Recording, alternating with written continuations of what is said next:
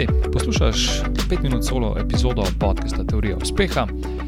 V zadnjem času je bilo res objavljenih malce manj epizod, in večinoma, če je bilo kaj objavljeno, je bilo to 5 minut solo epizoda.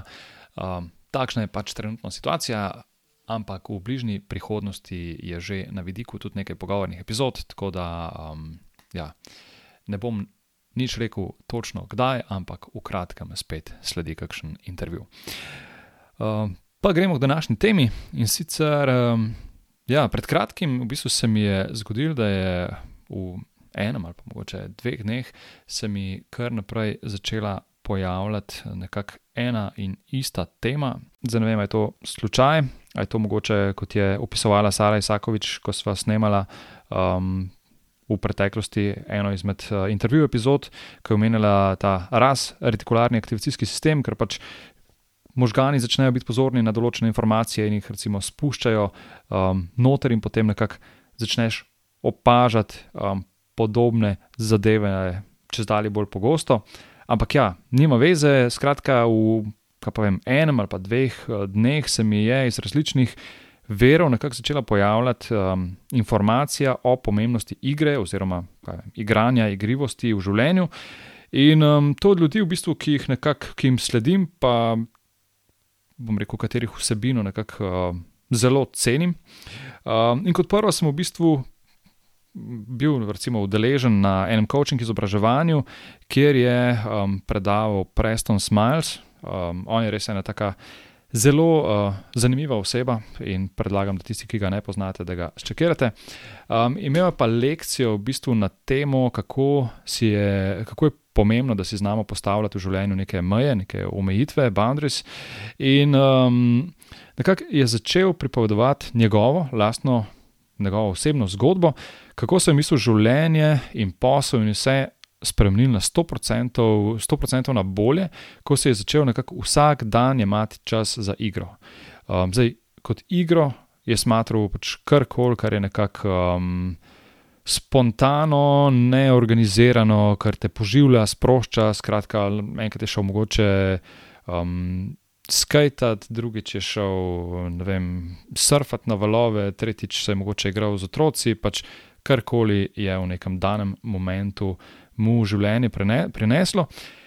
In ko enkrat igra, je rekel, ko je enkrat igra postala del njegovega življenja, del njegovega vsakdana, je začel dejansko živeti In se je to začelo odražati tako recimo, um, v njegovih odnosih, um, kot v njegovem biznisu, in kar naenkrat je bilo vse, vse pač okrog njega bolj živo, um, bolj smiselno.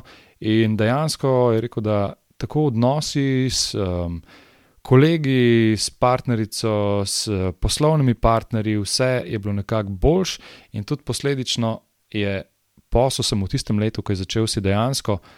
Vsak dan je imati čas za igro, samo je posel v tistem letu skoraj podvojil. Cel kup nekih um, novih klientov, novih sledilcev, pa življenje se mu je začelo zelo, zelo obračati na boljše.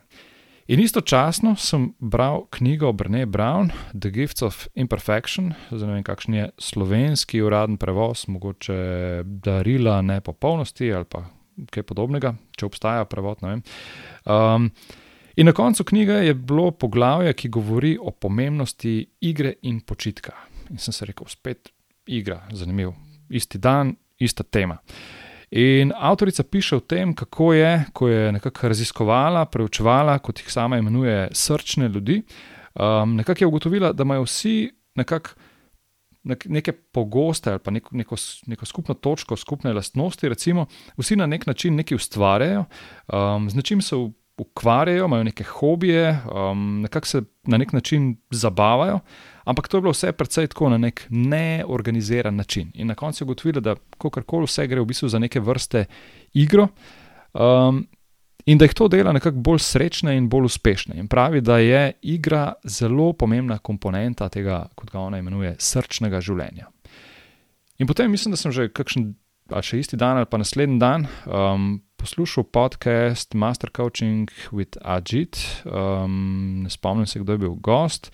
Tema je bila mikrodoziranje psilocibina in um, LSD-ja. In um, tudi gost je bil v bistvu podjetnik in je tudi sam razlagal, da v bistvu je o, razlagajo o pomembnosti um, igre v podjetništvu. Da, da v bistvu, kako je pomembno to, da tudi uh, stališča vodenja um, podjetja kot vodstvo, da zna stopiti ven iz tiste tunelske vizije in v nek bolj tak igriv mindset, ki, je, um, ki ima nek. Pozitiven vpliv na neko kreativnost, na sproščenost, in vse to se potem nekako prenaša na celo strategijo podjetja in ima nek pozitiven vpliv na ljudi v podjetju, in na koncu se to, seveda, na koncu se to odraža, seveda, tudi na prihodkovni strani. In tudi on pravi, da ko je začel nekako um, imeti igro v podjetju kot del recimo, življenja podjetja, se je tudi to nekako pozitivno poznalo na njegovem biznisu. Um, in ja, v bistvu že tretji um, primer v zelo kratkem času in spet ista tema, ista igra. In ja, igra je res nekaj, kar v bistvu se nam pogosto, verjetno zdi, vem, brez veze, škoda časa, um, vem, neka otročarija.